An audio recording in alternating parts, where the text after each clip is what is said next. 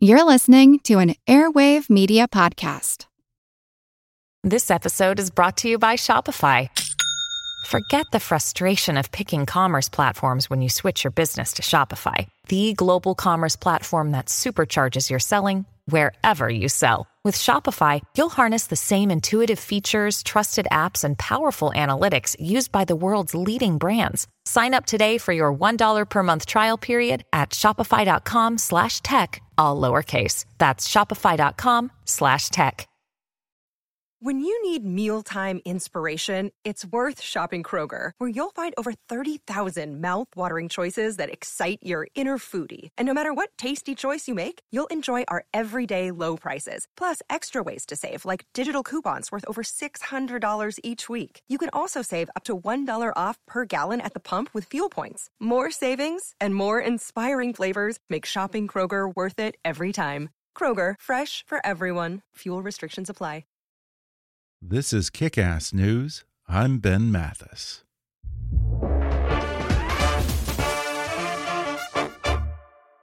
Many Americans have never felt more isolated than they do right now. Travel restrictions have made it difficult to visit our loved ones. Besides, who wants to brave a crowded airport and a confined airplane cabin just to see friends and family? In many counties, strict social distancing rules still remain in place, confining us to our homes and discouraging in person interactions. And all of the usual public events that bring together communities in the summer, from county fairs to music festivals, have been banned. As a result, the United States is facing a loneliness crisis. But my guest today says that loneliness was already becoming a mental health epidemic long before the quarantine. He's former U.S. Surgeon General Vivek Murthy, and he writes about it in a new book titled Together The Healing Power of Human Connection in a Sometimes Lonely World. And today, Dr. Murthy joins me on the podcast where he discusses the many mental and physical impacts of feeling lonely and reveals that chronic loneliness is just as bad for you as smoking or obesity. He opens up about his own bouts of loneliness at times during his life, how he came to realize that it's a much larger problem than he ever realized, and he even says he's spoken to a number of members of Congress who struggle with it as well. He shares the difference between someone who is genuinely lonely versus someone who enjoys being alone, how loneliness can often disguise itself as other health problems, and how loneliness once served as an evolutionary function but might be holding us back in modern society. Vivek also weighs in on the president's handling of the coronavirus pandemic, shares insights from when he dealt with the Ebola and Zika outbreaks as Surgeon General, and offers advice for how to improve the quality of our online and socially distanced interactions during quarantine. Coming up with Dr. Vivek Murthy in just a moment.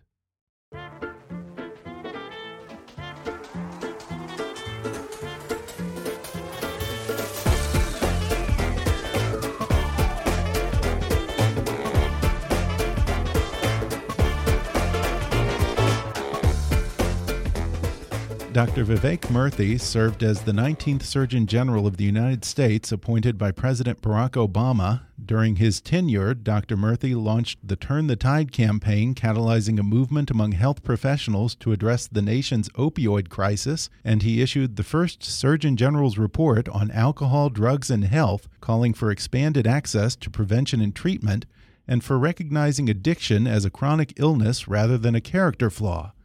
He's also been a leader in addressing what he calls America's loneliness epidemic, and he writes about it in a new book, Together The Healing Power of Human Connection in a Sometimes Lonely World. Dr. Vivek Murthy, welcome to the podcast. Thanks so much, Ben. It's good to be with you. Well, I have to say, I really found your book very enlightening. I feel like we're only beginning to recognize just how many people in this country suffer from chronic loneliness. But it is something that's coming up a lot in my conversations with people about health more and more these days. When did you first become aware that the U.S. is in the middle of a loneliness crisis? Well, Ben, I, I first realized there was something deeper going on that was affecting people around the country when I was Surgeon General. And it was during that time, the very beginning of my tenure, that I embarked on this listening tour where I would go to small towns and big cities across America asking people simple questions like, How can I help? And what's on your mind when it comes to your health? And I would sit back and listen, and I, and I heard some extraordinary things, some things that didn't surprise me, although they were really important for me to hear, like about how devastating the opioid epidemic had been to families. I heard stories about violence in communities. I heard from parents who were worried about their children uh, using vaping devices and weren't sure how to address that. I heard from so many people who wondered if technology was ultimately helping their social lives or leaving them more disconnected. But what I realized was that behind so many of these stories were these unspoken threads of loneliness. And people wouldn't come up to me and say, Hi, I'm, I'm Ben, I'm lonely, or I'm Vivek, I'm lonely. But they would say things like, I feel I have to carry this entire burden on my own. Or I feel if I disappear tomorrow, no one would even notice. Or I feel invisible. And I was hearing this from college students, from elderly folks. I was hearing, hearing this from parents, from people in remote fishing villages in Alaska, and from members of Congress who would confide this in hushed tones behind closed doors. Really, members of Congress. I guess I could see that. I mean, congressmen aren't exactly treated like everyone else, and every interaction they have with a person is probably a complaint or an ask. Rarely is anyone ever happy with you. You can't really vent about your problems. What kind of things did you hear from them? Yes, in fact, I remember one member of Congress in particular that I was meeting with in his office, and it was just me and him at the time. There was no staff around.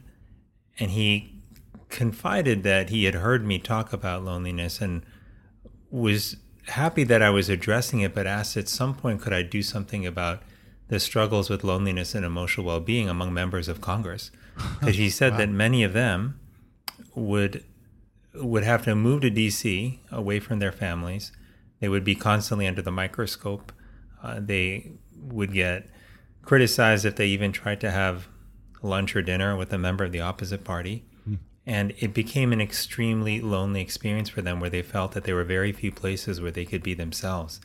Um, he wasn't looking for sympathy per se. He certainly recognized that members of Congress are certainly privileged compared to most people in the country. But what a point I took away from him and from the stories of so many others that I heard around the country was that loneliness is far more common than I had thought.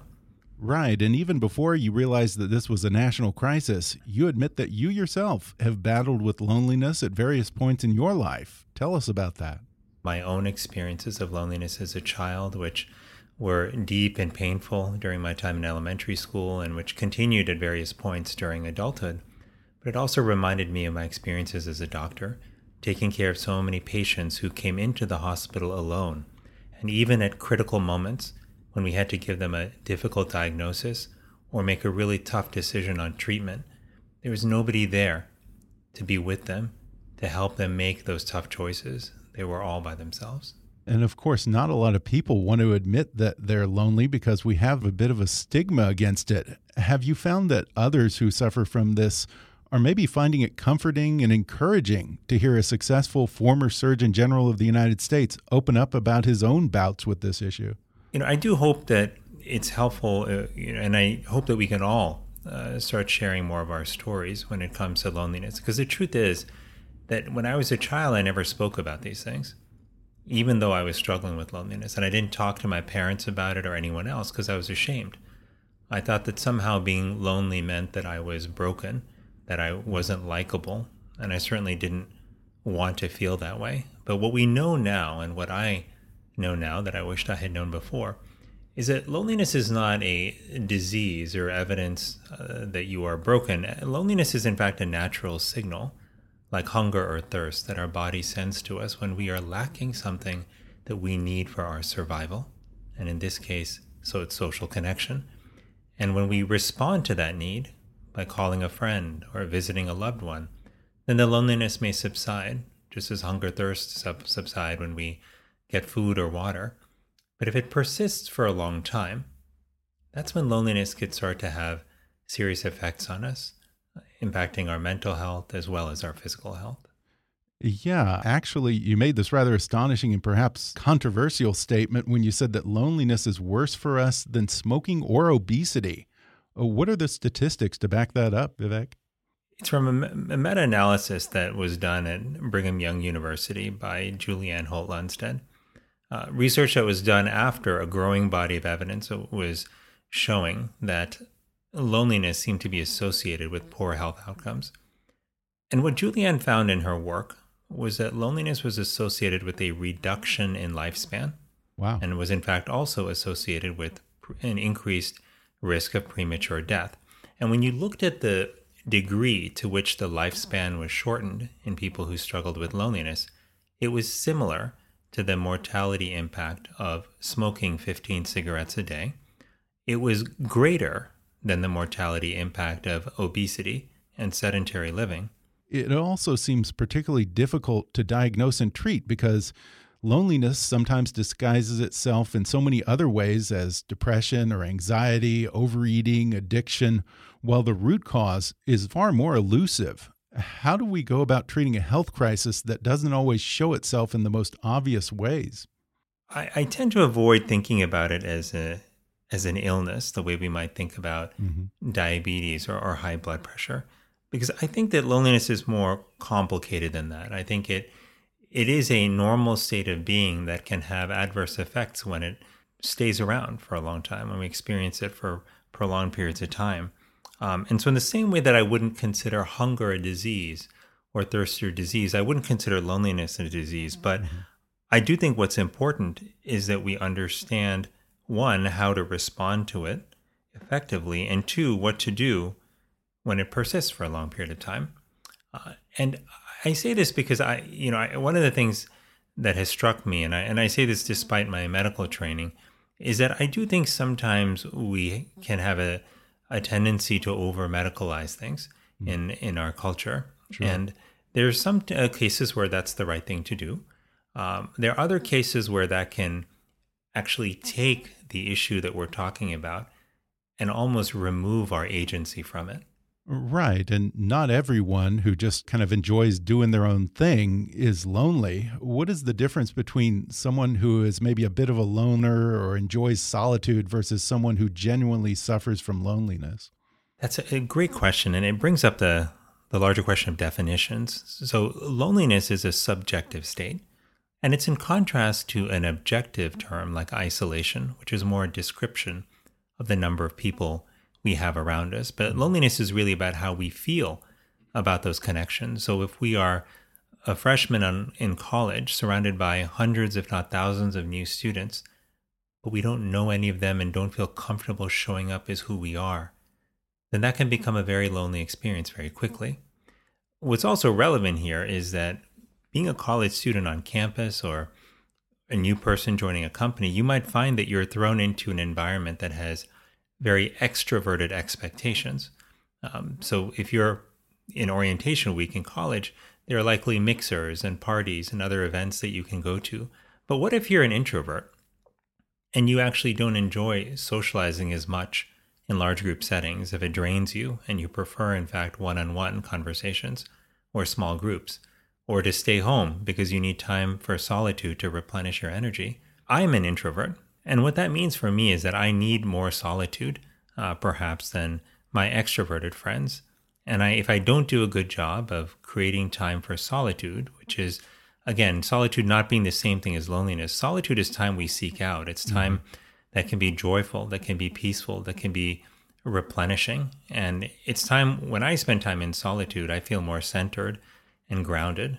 Because as one of my friends told me, here's how to understand the difference between introverts and extroverts. She said, An extrovert starts out the day with an empty basket, and every person they meet along the way gives them an apple. and they put that in the basket, and by the end of the day, after all these interactions, their basket is full and they feel great. An introvert starts the day with a basket full of apples, and every person they meet, they give an apple away to. and by the end of the day, after all those interactions, their basket is empty and they are energetically depleted and they need to replenish. Interesting. So, solitude and having time for, say, meditation actually makes our interactions with people in person better. It does, because what matters so much in our interactions with others is where we're coming from. Are we grounded in that moment or are we frazzled? Are we feeling calm and confident, or are we, are we anxious and worried? Even extroverts need moments of solitude. Sure. Uh, having solitude in your life doesn't mean, Ben, that, that all of us need to go on a seven day silent retreat once a month, although that may serve you well. And I certainly would love to do that at some point. But solitude can just be five minutes that we spend sitting on our front porch, feeling the breeze against our face. It can be a few minutes that we spend remembering a few things to be grateful for, or a few minutes meditating, or praying, or simply taking a walk through nature, or curling up with a good book. There are many ways to experience solitude, but we all need some of it.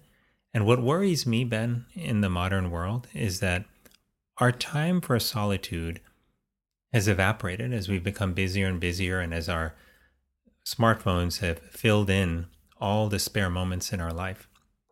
But I also worry that we've become uncomfortable with solitude and that when we're alone with our thoughts that it doesn't it makes us feel uncomfortable. We don't know what to do with that. And we can very quickly pick up our phone look at the news or or read something on social media and feel the comfort uh, and certainty that comes from those things and not having to confront our own thoughts. But comfort with being alone developing and protecting time for solitude these are essential in everyone's life Right. And in the same sense, how much of this problem can be attributed to the fact that we are constantly distracted by texts, our Instagram feeds, work emails, when we're supposedly spending quality time with our kids or having dinner with a spouse or a friend?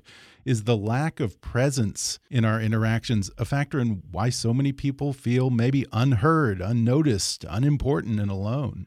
Well, Ben, you're hitting on something that's really important, which is I do think that the way in which we're using technology these days is having a dilutive effect on our relationships. So if I'm talking to a good friend on the phone, but I'm also refreshing my social media feed and checking my inbox and Googling a question that popped into my head while I'm checking the score and the game that's on the TV in the background and occasionally looking at the news, this is a very distracted conversation I'm having. But it's actually not unusual for people to be doing that. And I have done this too. I'm not proud to say it, but I have done this too because we convince ourselves we can multitask. Sure. The science is very clear that we cannot. What we do yeah. when we think we're multitasking is we actually rapidly task switch, which means when we're paying attention to our inbox, we're not actually fully listening to the person that we're talking to. So tech can have that effect on diluting the quality of our interactions. It can also edge out our in person interactions is we spend more and more time in front of screens and on social media. But we've got to be mindful of how technology is impacting our relationships, and we have to draw boundaries around it so that we have sacred spaces in our lives where we are just focused on another human being, where we are giving them the gift of our full attention. And when we do that, we'll find that five minutes of deep, open, fully present conversation can be more powerful than a half hour of distracted conversation. Yes, technology is great in many ways, but we've always had this problem of keeping up with the Joneses, but now it's keeping up with the Joneses on steroids. It's not just keeping up with the Joneses, it's keeping up with everyone on our Facebook feed. And in some cases, people we've never even physically met, people we don't even know. That's, that's exactly right. And, you know, on the face of it, it, it seems almost unbelievable that we would, let's say, care so much about what somebody was doing thousands and thousands of miles away who we don't even know and probably will never meet, but they seem to have a nicer car than us, or they seem to have a fancier house than us, or or they seem to be more popular than us. But you're looking at people's idealized versions of their life. You're looking at their best moments. And inevitably you compare them to your average moments, and you always come up short.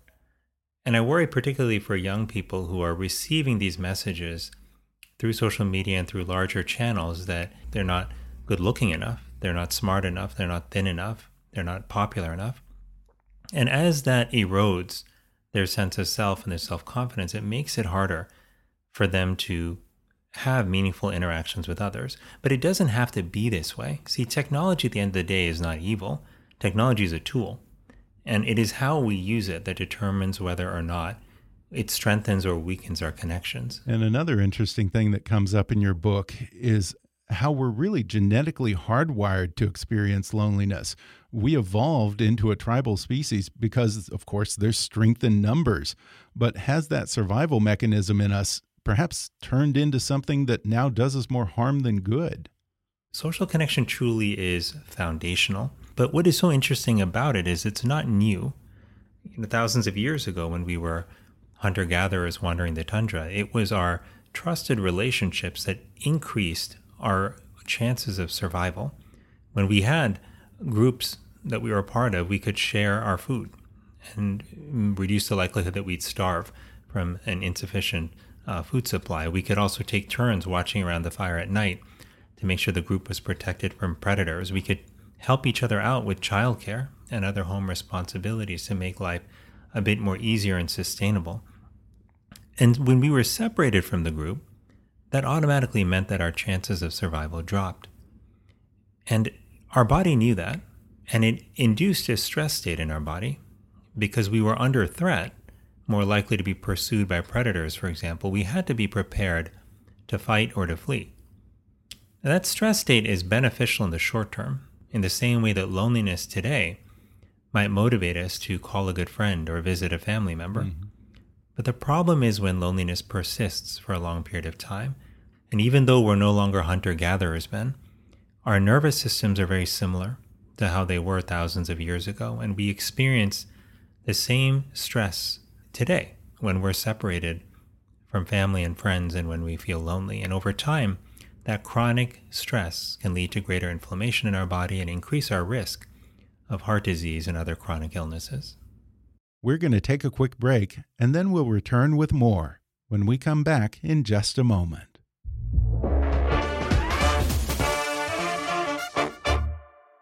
Are you ready to set a new standard of success for yourself? As your career grows, you want to do more, strive more. Your drive and determination have helped you get to where you are today, and at Capella University, they want to help you do even more. They've created flexible doctoral programs that work with your schedule and can help you put your passion into action. Wondering where to start, what it's like to be a doctoral student, or what it takes to find success with online learning? Capella has designed online degree programs to help you raise your own bar and gain the skills you need to get where you want in your career. Their courses, curriculum, and learning formats are all created with flexibility in mind to fit your life and your schedule. Learn more about the experience and skills that Capella can help you build while earning your doctoral degree. When you're ready to explore next steps, visit capella.edu slash doctoral journey. That's capella.edu slash doctoral journey. A while back, I talked with Senator Ben Sasse about political polarization, and I was shocked at how often loneliness crept into that conversation. Do you think that our politics and polarization are contributing to our sense of isolation, or might it even be a vicious cycle where the two are just feeding off of each other? Yeah, that's such a good question. I do think this is deeply tied the, together the issues of loneliness and political polarization. We've evolved to seek out our tribe, and the question that we have to ask ourselves in the modern age is who constitutes our tribe? Mm-hmm. You know, thousands of years ago, it was people who looked like us and came from a similar background. But the world in which we live in now, a world that is more pluralistic, that is more inclusive, requires us to expand our definition of what could constitute a tribe. The United States, in many ways, was built upon that premise the premise that our tribe is not defined by the countries that we came from or the language that we speak. It was defined by our desire to seek out freedom, to work for it, and to protect it. That was a radical idea for so many reasons, because it ran counter to thousands of years of evolution where people were primarily getting together with people who shared very similar backgrounds and experiences, and that was their tribe. Okay, so then how do we get back to that sense of shared values and purpose in this country? What we are called to do in the modern age now in the United States, and I think increasingly in countries around the world, is to be more explicit and clear about what constitutes our tribe to define that not by our skin color, our language, or our cultural heritage, but by our values, by our shared experience and our shared outlook for the future. We all care about the welfare of our children and we want a safer world for them. We want our children to have opportunity. We don't want our children to struggle in poverty. They alone constitute just a few of the core values that can serve as a point of connection. That's where we have to focus. That's how we have to build a relationship. And if we build a relationship, that becomes our foundation of dialogue. That's how we begin to address political polarization in the US and around the world. Vivek, I have to ask you about COVID 19, and inevitably some of this will dovetail with our conversation about loneliness. First off, do you think that the Trump administration has done enough and done enough early enough to combat the coronavirus? Well, let me say from the outset, Ben, that having been a part of two major responses when I was in government the Ebola response and the Zika response, mm -hmm. I know that it is very difficult to be learning about something new while you're trying to take action to address it. And inevitably, in Republican and Democratic administrations, there are stumbles. But what matters is how you react to those stumbles. Do you learn from the mistakes that you made? Do you communicate openly and honestly with the public about those so that you can build trust?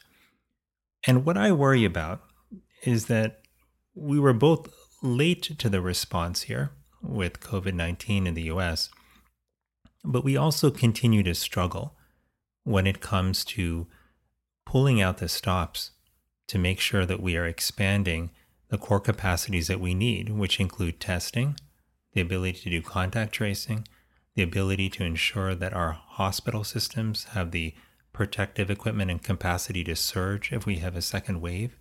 The people in America have made extraordinary sacrifices to stay home to turn their lives upside down. In many cases, they've lost their jobs.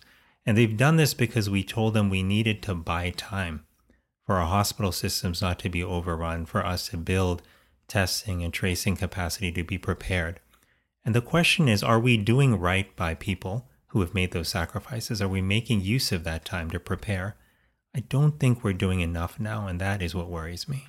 Well, Vivek, I want to go back to something that you touched on a moment ago, which is the importance of truth and the public trust in dealing with a crisis like COVID 19. When you were in the Obama administration dealing with the Zika and Ebola epidemics, how important were things like truth and the public trust to the overall success of the effort?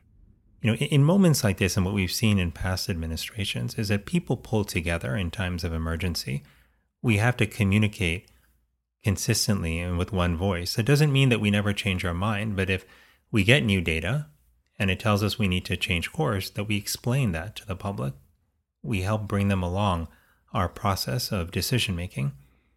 I, I worry that we're not doing a good job here as a country when it comes to delivering on these core benchmarks that we have to meet to open safely and to address a second wave. And we're sowing confusion in the country as we have allowed this response to become politicized. A simple example the CDC issued guidance saying that we should be wearing masks in public, yet somehow that public health guidance has become politicized, and now wearing a mask seems to be a political statement of which side of the aisle you're on.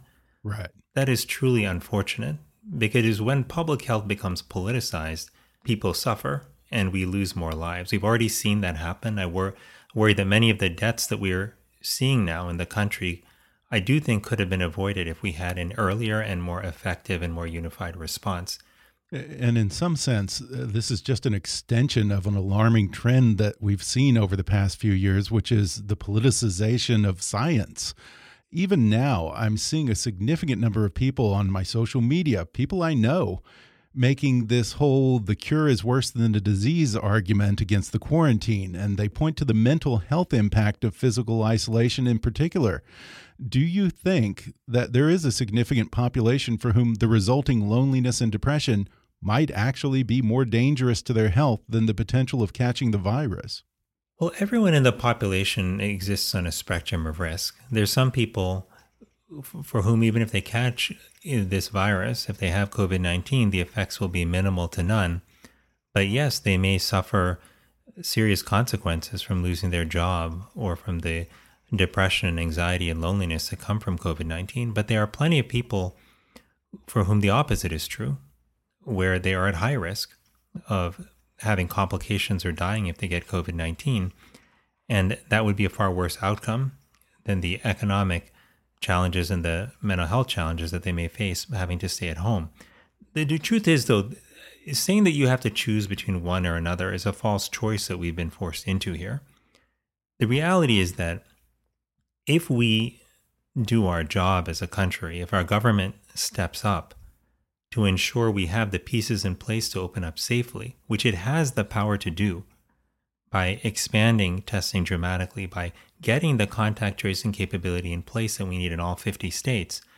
If they do that, we can open up earlier. We are, in fact, delaying our opening up because we're failing to get ready as a country. We're making opening up safe. And by what we're forcing people to do is have to make this choice.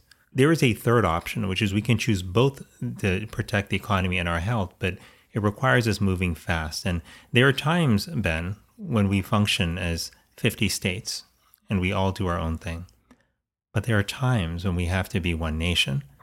This is when you need the federal government to step up. And in this case, they need to take over the production and distribution of tests to make sure we have not only enough, but that it's distributed well and that anyone who needs it can get tested, which is not the case now. They need to t- take over when it comes to ensuring that we have a trained corps of contact tracers. And so they need to support states in that effort. We have a small fraction right now of the people that we need in order to trace contacts. And what that means is that if we detect a new infection, we don't have enough resources to make sure we can in a sense, throw a net over that infection and contain it, which means it will continue sure. to spread in the yeah. community. But these are avoidable problems. This is where leadership from government is so critical. And bringing it back to loneliness, it's been kind of interesting and fun to see how people are getting creative about finding workarounds to this quarantine, such as uh, happy hours on Zoom, FaceTiming, and, but still none of this really takes place of normal social experiences where you can hug, shake hands, share the same space. Having a herky jerky conversation on Zoom or Skype where you're talking over each other or there's a delay because of Wi Fi being really slow doesn't quite cut it. I wonder are there things that we can do to improve the quality of these virtual and socially distanced interactions through this? Yeah, that's a great question. And the, the truth is, Ben, there there is really no full substitute for being in person. That is, that's true because that's how we've interacted for thousands of years. That's what our bodies and our nervous systems are used to responding to. But with that said, I do think that we can use technology in particular ways that can help keep our connections alive and, in fact, can actually deepen our connections from where they were before the pandemic. So, for example, if we make it a point to put some time aside each day, could just be 15 minutes, to spend with people we love, whether that's video conferencing with them or speaking to them on the phone, that can serve as a lifeline for us. And even though that's only a few minutes a day, can leave us feeling more deeply connected. The second thing we can do is to focus on the quality of time that we have with the people we're speaking with. Mm-hmm. And that means putting away distraction when we're speaking with them you know, if you've had this experience of being deeply listened to, of having somebody who's fully present when you're talking to them, you know that five minutes of conversation like that is so powerful. Sure. And we can achieve that right now without spending a single additional minute with somebody simply by giving them our full attention. I would consider two last things, which is one, the power of solitude. I, I had a professor in medical school was an extraordinarily busy, uh, busy professor. She was a mom to two wonderful boys. She taught uh, medical students. She took care of patients. She helped run the medical school. She was incredibly busy. But what she did is recognizing the need for solitude, but not having the time to spend an hour meditating each day. She would use the 20 seconds that she had while she was washing her hands before she saw a patient she would just think about the things she had to be grateful for that day. And then she would walk into that room after those 20 seconds, feeling more at peace and more able to be herself than she had been before. That's the power of what solitude can do for us.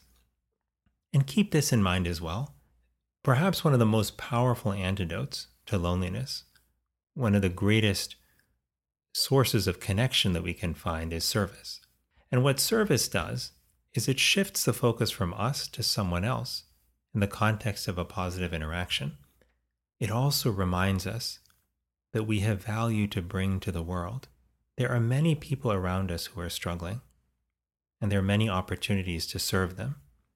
These are simple ways that we can strengthen and deepen our connection in this time uh, of the pandemic. And if we do this, if we use this moment to refocus on our relationships, to recommit to making people a priority in our lives, then I think, as painful as this time is, that we can come out of this pandemic more deeply connected and more resilient than before the pandemic began.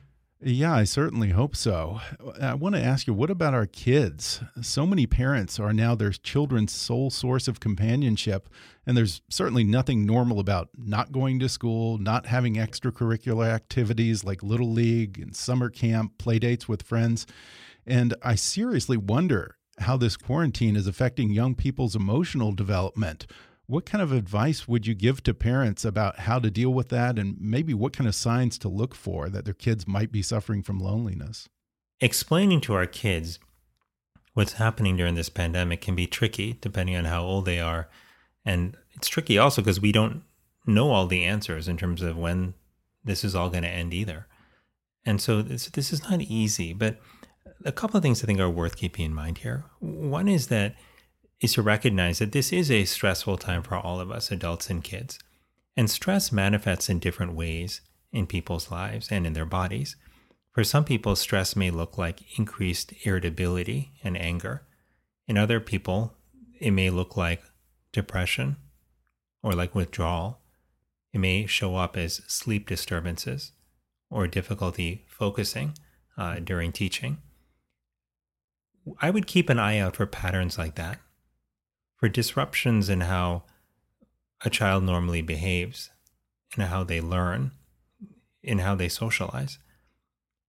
And what I would also emphasize is that is that this is a time where we also may have an unexpected opportunity to spend quality time with our children in a way that we weren't perhaps able to before.